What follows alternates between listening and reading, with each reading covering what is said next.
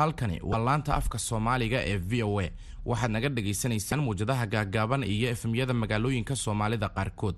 Dhegaystayaal waxaad haatan ku soo dhowaataan barnaamijyo ku saabsan daryeelka carruurta iyo madadaalada dhallaanka. Ugu horrayn ku soo dhowaada barnaamijka kulanka waalidiinta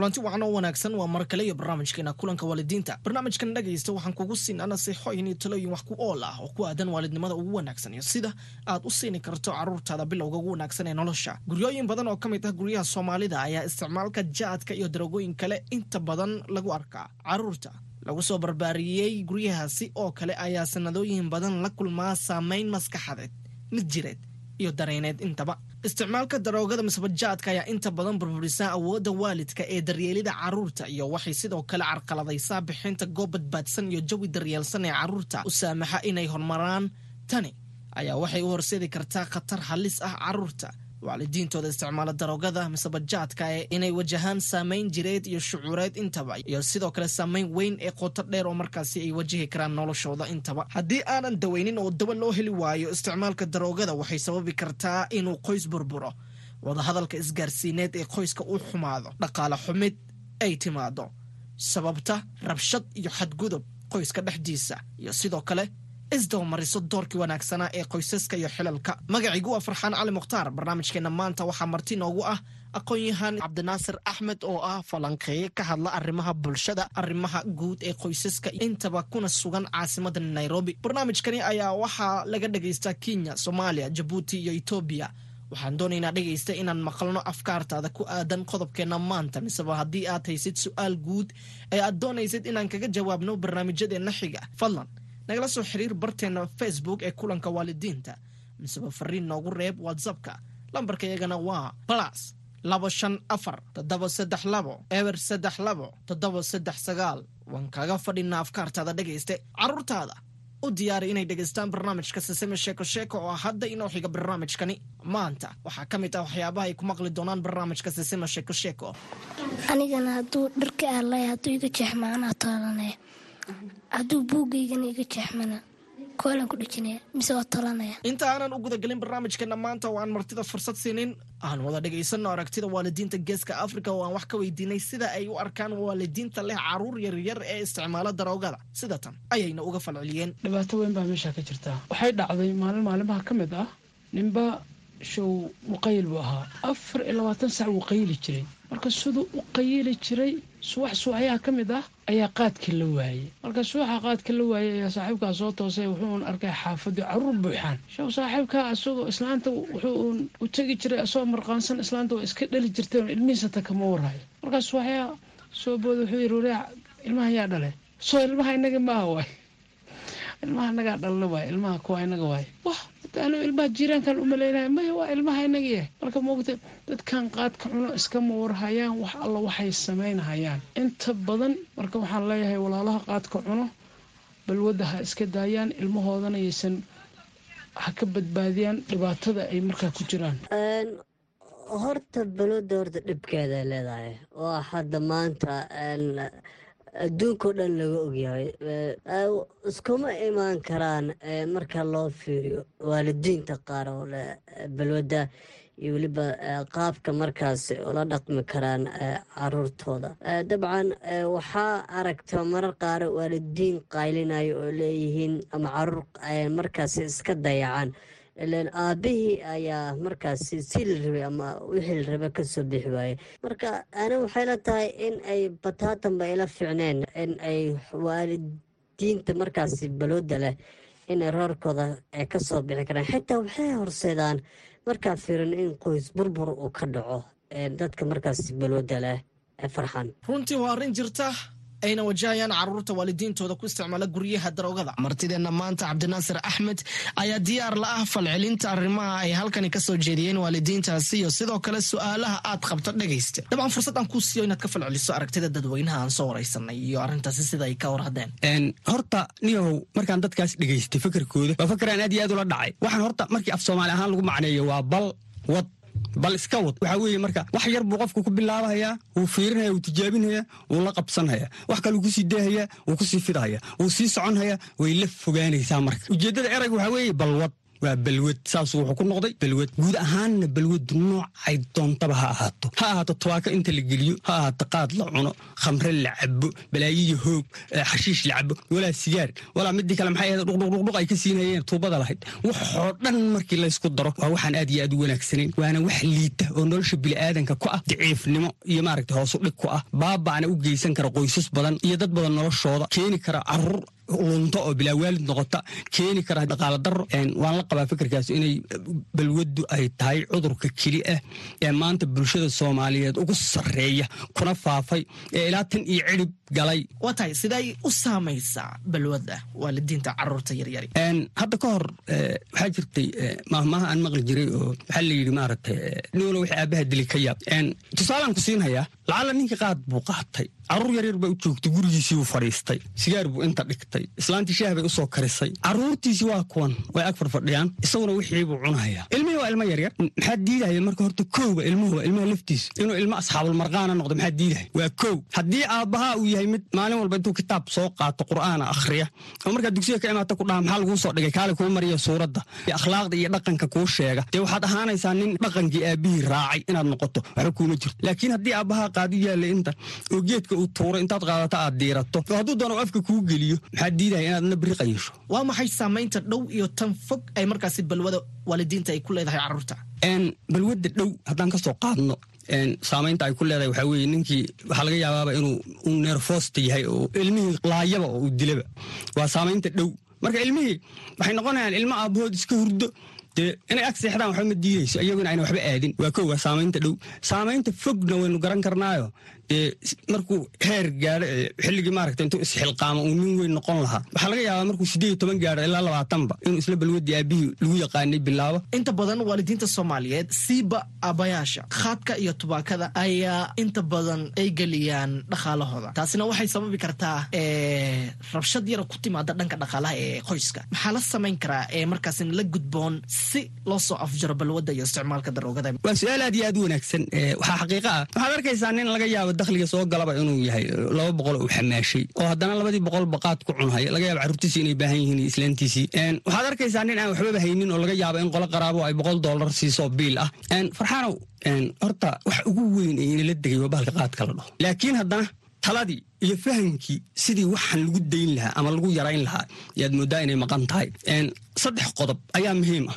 Midka u horreeya horta waxaa weeye dadka balwadda u fadhiya ee ku mashquulay ee aan camalka haynin in loo helo camal iyo shaqooyin oo bal ay kaga mashquulaan ugu yaraan maalin badhkeed waa qodobka labaade waa in wacyigelin xoog badan la sameeyo. Ma ahan in dadku waxa ay ku dhex jiraan lagu caayahay. Dadku dee waxay ku dhex jiraan haddaad ku caydo iyaguna dee way ku caayi.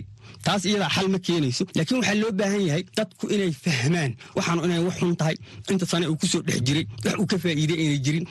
Waa qodobka saddexaade hadda badanaa innaga inooma baxo bahalkan dhulka soomaalida kama baxo. Laakiin meeshay doonta ha noqotee soomaaliya o dhan safar baa loogu geeyaa. Dowladaha deegaanadu bahalka canshuurta ha ku kordhiyaan horta. Kow markii isaga canshuurta lagu kordhiyo waxaa macquul ah inuu isagii qaaliyoobo. Ninkii labada boqol la ordahayey ee carruurtiisa baahan siisanaya qaadka hadday labadii boqol waxba u goyn weydo waxunbuu samayn lahaa sooma ilmihiisuu la aadi lahaa sooma saddexdaa arrimood yaan ku soo koobi lahaa. Dadka inta badan khaadka miseba jaadka uma arkaan in uu markaasi yahay darooga miseba balwad ay tahay. Qoysas badan oo soomaaliyeedna caqabad ayuu ku yahaa. Dabcan fadlan ma noo sharaxi kartaa sababta uu jaadka u yahay daroogada oona uu u saameeyo dadka siiba waalidiinta. Haa ninku markuu soo jabo oo wax badan ogaado unbuu wax badan wax ka sheegi karaa. Aniga lafteeda baalka aqoon baan u leeyahay. Horta boqol qof oo boqolkaasoo balwad laho qaad cuna haddaad boqolkaanin intaad daraasad ku samaysa aad dhex marto. Su'aalaha haddaad weydiiso waxaa laga yaabaa boqolkaanin nin walba barnaamij gaara inuu kuu sheego. Oon mid mid raaca ayna jirin. Bahalkan waxaan daroogo loogu ereg badanaa soomaalidu kama qiimeeyaan. Waxaan markaad samayso maxaa ka imaan hayada dambe laakiin waxay fiiriyaan asal ahaanta shaygan. Haddii asal ahaanta geedkan la fiiriyo dee waa geed.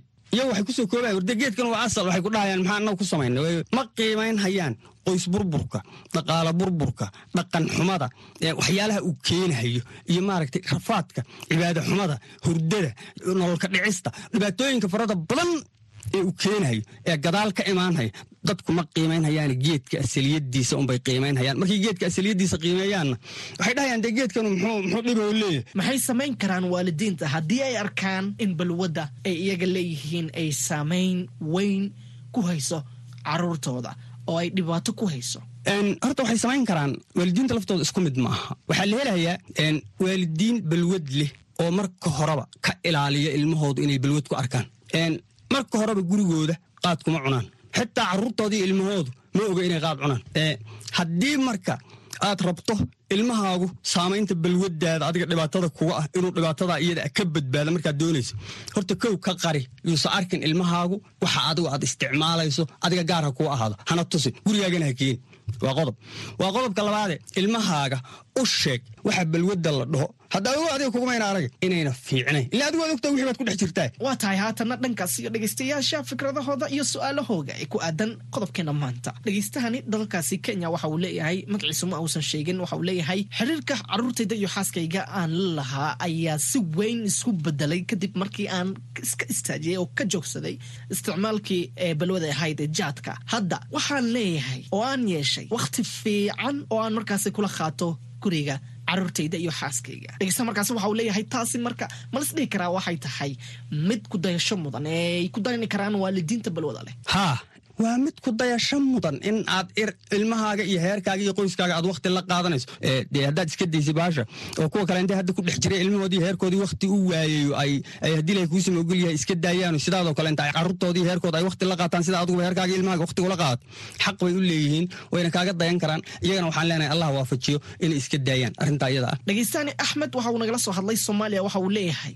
Dadka leh balwada sida jaadka isticmaala waxay yihiin kuwa ku xadgudba inta badan qoyskooda inta badanna rabshad iyo buuq leh ku dhex jira. Mar walba taasi run miya maxaana sababa? Haa badana nin baa wuxuu iiga sheekaynhayey waa nin darawalahon saaxiib nahay waxaan ku yidhi wareedheh marka wuxuu wadaa gaari gaariga qaad baa saaran. Marka waxaan ku yidhi warkaale adiga qaadka waad qaadaa ma cuntaa? Wuxuu yidhi maya ma cuno. Sabab haddii walaal ba ku dhex jirtaa sababtaad u cuni maxay tahay? Wuxuu yidhi haddii aan afka saaro gaariga isteerinkiisa anuu hayoo wada yaa waxaa macquul u yidhi inaan gaariga ka degto inaan degtaba. Hadda gaariga wadaa weysaa isteerinkaaye inuu ka degtaa macquula waa halistaasuu gelinaya. Wuxuu kaloo yidhi markaan cuno hal hadal xitaa gaariga guuxiisa hiida uma dulqaadan karu yidhi. Madaxa dhagi dhahaya gaariga matoorkiisaan damcayaa buu yidhi inaan feedh la dhacaba. Taas waxay ku tusaysaa marka in bahalkan dadkii maskaxdoodii uu dhibaato weyn u geysanayo su'aasha ugu dambaysa waxay nooga imaatay jabuuti waxaana inoo soo dirtay ridwaan cabdulaahi barteena facebook ayayna ku soo qortay. Waxay leedahay miyay saamaynaysaa waxbarashada carruurta yaryar haddii mid ka mid ah waalidiintooda uu leeyahay balwad. Haa ilmaha yarka dhowr qodob buu u baahan yahay. Wuxuu u baahan yahay wax fiicanoo uu ku daydo. Horta kow inuu arko. Waa laba wuxuu u baahan yahay qoys degan oo maskaxdiisu fadhido oo ilmaha waaniya tarabiyeeya abaabiya barbaariya soo koriya. Ayaa loo baahan yahay inuu ka dhasho ilmuhu haddii qoyskii qoys balwadeed uu noqdo oo laga yaaba islaantii inay isdilayaan isfeerhayaan isku buuqahayaan dagaal ka dhexeeyo odaygii haddii la kuusama ogoliya uu marqaansan yahay horea car hadla leeyahy ilmihiina uu u baahan yahay in iskuulkiisii la ogaado in dugsi qur'aankiisii la ogaado in caanihiisii la ogaado in korintiisii la ogaado in tarbiyadiisii la ogaado in akhlaaqdiisii la ogaado. Waxaasoo dhan buu ilmihii u baahan yahay. Haddii marka qoyskii qoys balwadeed uu noqdo dadkii isaga waalidiinta u ahaya ay dad balwadula degtay noqdaan. Ayna arrintaa iyada dad ka hurda noqdaan. Haa saamayn weyn buu ku yeelanhayaa ilmaha ilmahaasna waxaa laga yaabaa kuwa iyagoo toddobiyo toban jiradii siddeed toban jirada bilaaba inay balwadda cunaan inuu ku biiro. Ayay aad iyo aad ugu badan tahay. Intaanan hawada ka bixin waa tan eedo ebyan iyo xikmadeeda maanta. Mahmaah soomaaliyeed ayaa tidhaahdaa waxa aad barataaba waa baaska. Taasi waxay ka dhigan tahay haddii uu qofku barto dabeecad xun sida isticmaalka maandooriyaha ay sababayso in ay dhibaatooyin kala kulmaan nolosha iyo dadka kale ee ku dhowba isticmaalka daroogada waxaa sababa burburka qoysaska fara badan halkaas oo carruur badan ku waayaan daryeel wanaagsan. Marka ay soo barbaarayaan waxaana muhiim ah in ay waalidiintu ka ilaaliyaan qoyskooda burburka wax waliba oo ay tahay sababta burburin karta iyo dhibaataba. Intaanan barnaamijkani midka xiga ku kulmayna waxaan idin leenahay. Macsalaam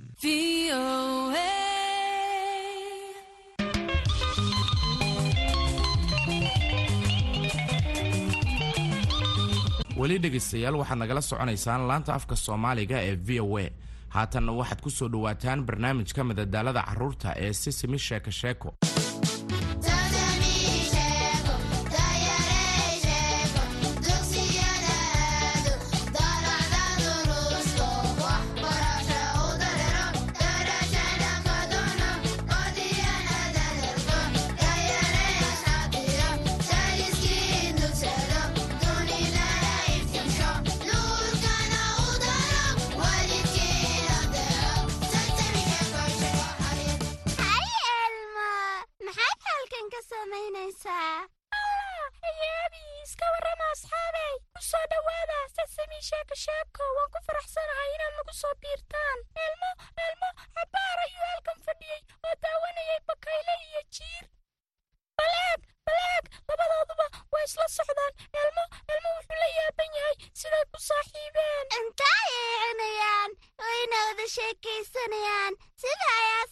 sameeyaanba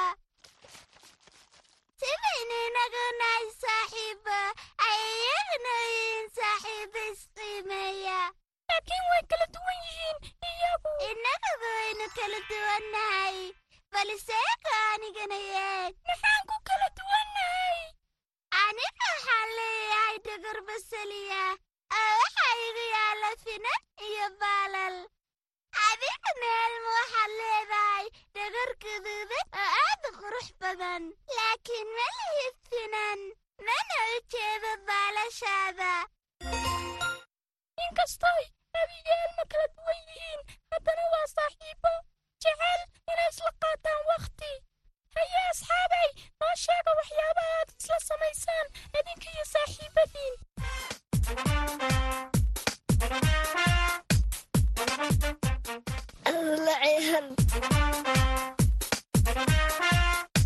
sheeko ciyaal iyo sheeko xariir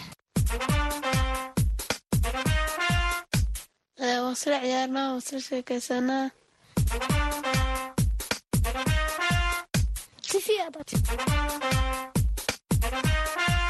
isla ciyaarnaa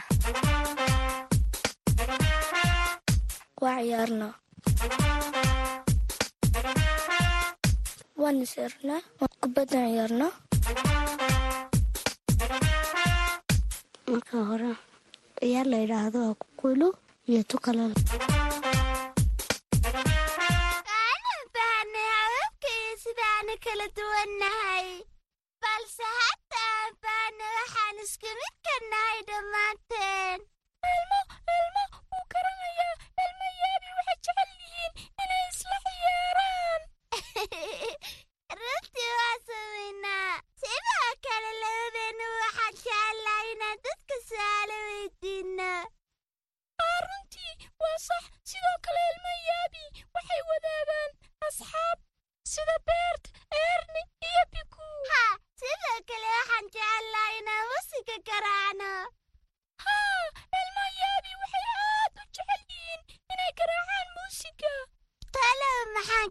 jecel lahay haa sidoo kale abiyaalma waxay jecel yihiin inay saxabka tumaan. Haa waa saxan tahay. Aan wada sacbinno hal mar. Bal fiiri sidaa isku midka u nahay. Oo haddana kala duwannahay. Sidaasay tahayna weli saaxiiba ayaan nahay. Hadda waan fahmay sida bakaylaha iyo jiirku ku saaxiibeen waxaan qabaa su'aal waa naxay siyaabaha kale ee saaxiibada isku mid ku yihiin ama ay ku kala duwan yihiin wah wah waa su'aal aad u fiican eerni ayaa inooga jawaabi doonaa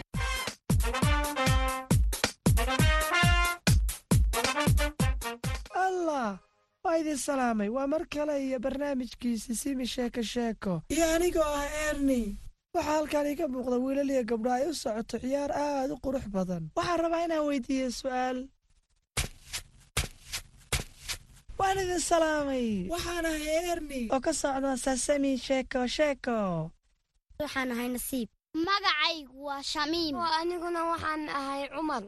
Haddaba ma taqaanaan waxaan aniga iyo saaxiibaday ka simannahay. Cumar iyo anigaba waxaan jecelnahay inaa ciyaarno. Waxaan ka helaa kubadda cagta cumarna wuxuu ka helaa dhudhumashooga waxaan ka helnaa in isla wala dheenno waa jawaab aad u fiican. Haya adiguna shamiim. Nasiib iyo cumar waa ilmaadeeraday. Saddexdayanuba buwaagta ayaan wada jecelnahay. Mid walba wuxuu ka helaa sheekooyin kala duwan. Laakiin saddexdaynuba waxaan wada jecelnahay inaan isla akhrisanno buwaagta. Akhrisanna ah baashaal ma aha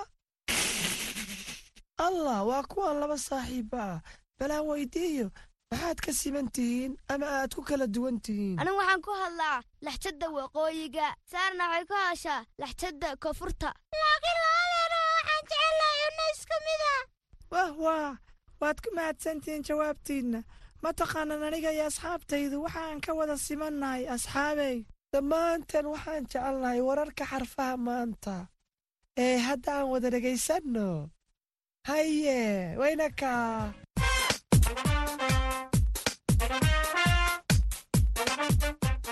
waa asxaabta sharafta leh waxaan hayaabi ku soo dhowaada wararka xarfaha ee barnaamijkeenna sisimi sheeko sheeko asxaabta xarafka maanta waa ra waxaana loogu dhawaaqa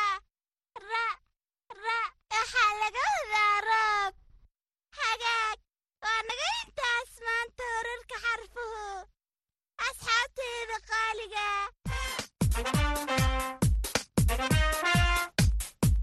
Haye asxaabta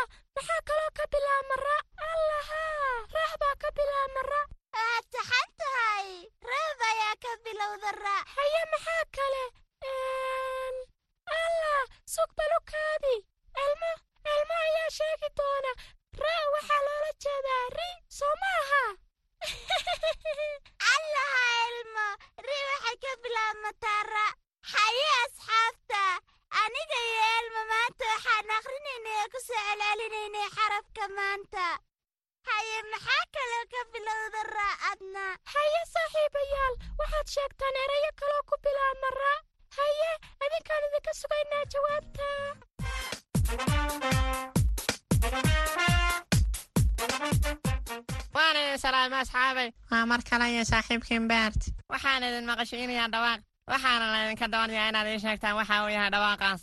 Ana samdiyaad ma tahay inaad ila dheesho ciyaartan? Haa beert waa ciyaar la yaab leh ee aan bilowno. Haddaba aan bilowna dhawaaqan allah codkaa miyaan garan waaye? Waa rixiyaysa oo waan aqaanaa waayo awowga ayaa leh ari badan. Waxay u egtaa inaad ku dheerayso dhawaaqa xoolaha. Bal ka waran midkan hagaag. Waxay la tahay waa saciyaya waa sax waad ku fiican tahay ciyaartan waxaan kuu hayaa mid kale bal isku day.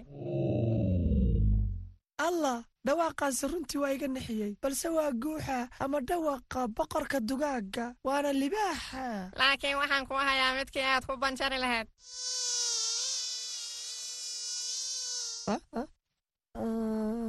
Waa kaneeco. Waa inaan shabaqa ka galnaa haa ma qiyaas xumid waad ku mahadsantaa ciyaartaad ila dhashay.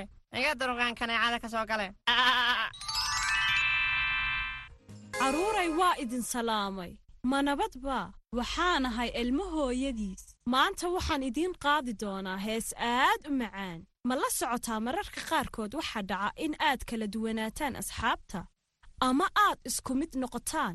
Haddaba heestaydu waxay ka hadlaysaa qadarinta sinnaanta iyo kala duwanaanshaha waxaana filayaa in aad ka heli doontaan ee aan isla heesno adduunkeenna kala duwan wejiyadeenna kala duwan muuqaalkeenna kala duwan gayigeenna kala duwan wax walbaana kala duwan muuqaalkeenna kala duwan gayigeenna kala duwan wax walba kala duwan makhluuqaa isku miida dadka kala duwan dunideennan quruxsan oo haddana kala duwan intaan dul joogno waayaa noo kordhaaya si kastay ahaato ogsoonaada asxaabay sinaanta iyo kala duwanaanta haddaysan ahayn qoyskeenna ama qof u dhashay dalkeenna haddaba ogsoonaada weli waa asxaabteenna waa asxaabteenna oo ogsoonaada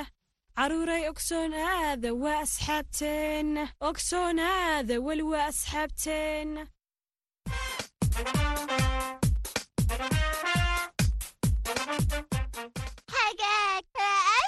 soo noqotay mar kale idiin haysaa saaxiibayaal waa habihii aan wax tirin jiray. Haddaba aan xisaabinay tacada aan maqli doono. Hal baabuur. Waa si wanaagsan lambarka maanta waa kow aan saabino kow waa naga intaas lambarka maanta. Haya asxaabta ma maqasheen lambarka maanta wuxuu yahay? Waa lambar kow shaqo waxaan asxaabta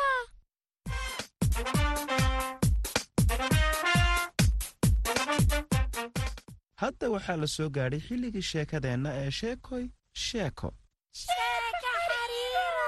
Diyaar ma u tihiin sheekada?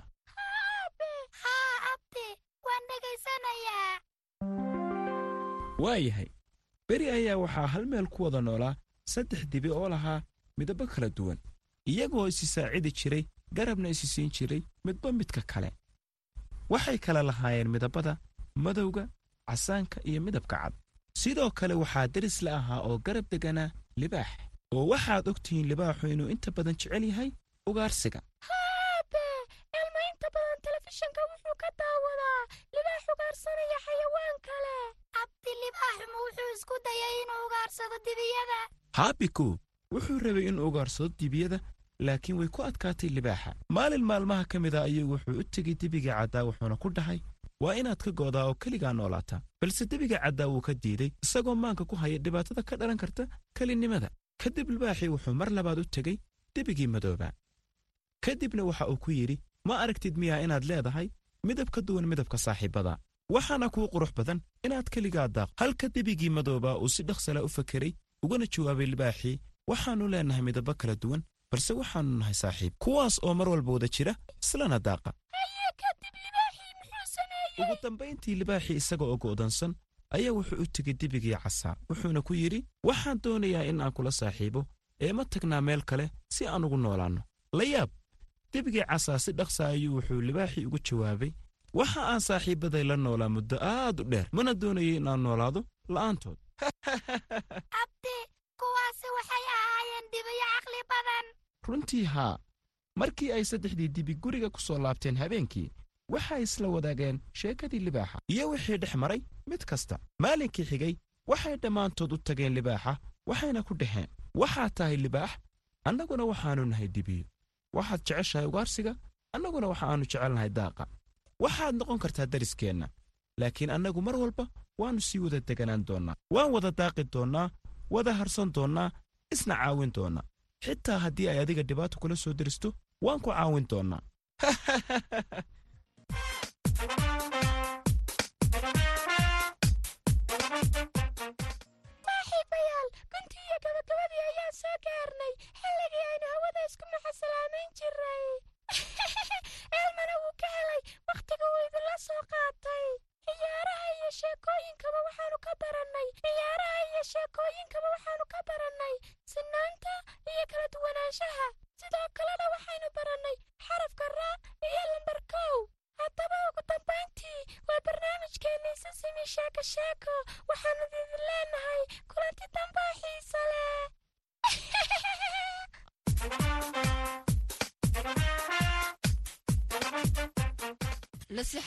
maanta waalidiinta qaaliga ah. Waalid ahaan waxaan fahansiin karnaa carruurteenna in dadku aanay isku mid wada ahaan karin. Laakiin in aan baran karno oo ka heli karno barashada waxa lagu kala duwan yahay. Waxaad carruurtaada kala tashan kartaa sida ay wax u arkaan iyo fikradahooda ku aadan.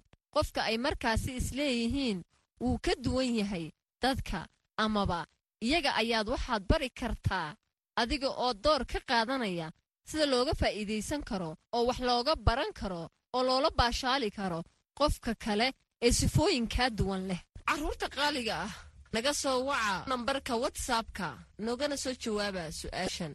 Waxaad noogu soo gudbin kartaan nambarkaas afkaartiinna iyo soo jeedintiinna. Waxaanad ka dhagaysan kartaan barnaamijka sisami sheeko sheeko etoobiya redio fana soomaaliya star f m kenya star f m intaasina dhegaystayaal waxaa ku dhan barnaamijyadii kulanka waalidiinta iyo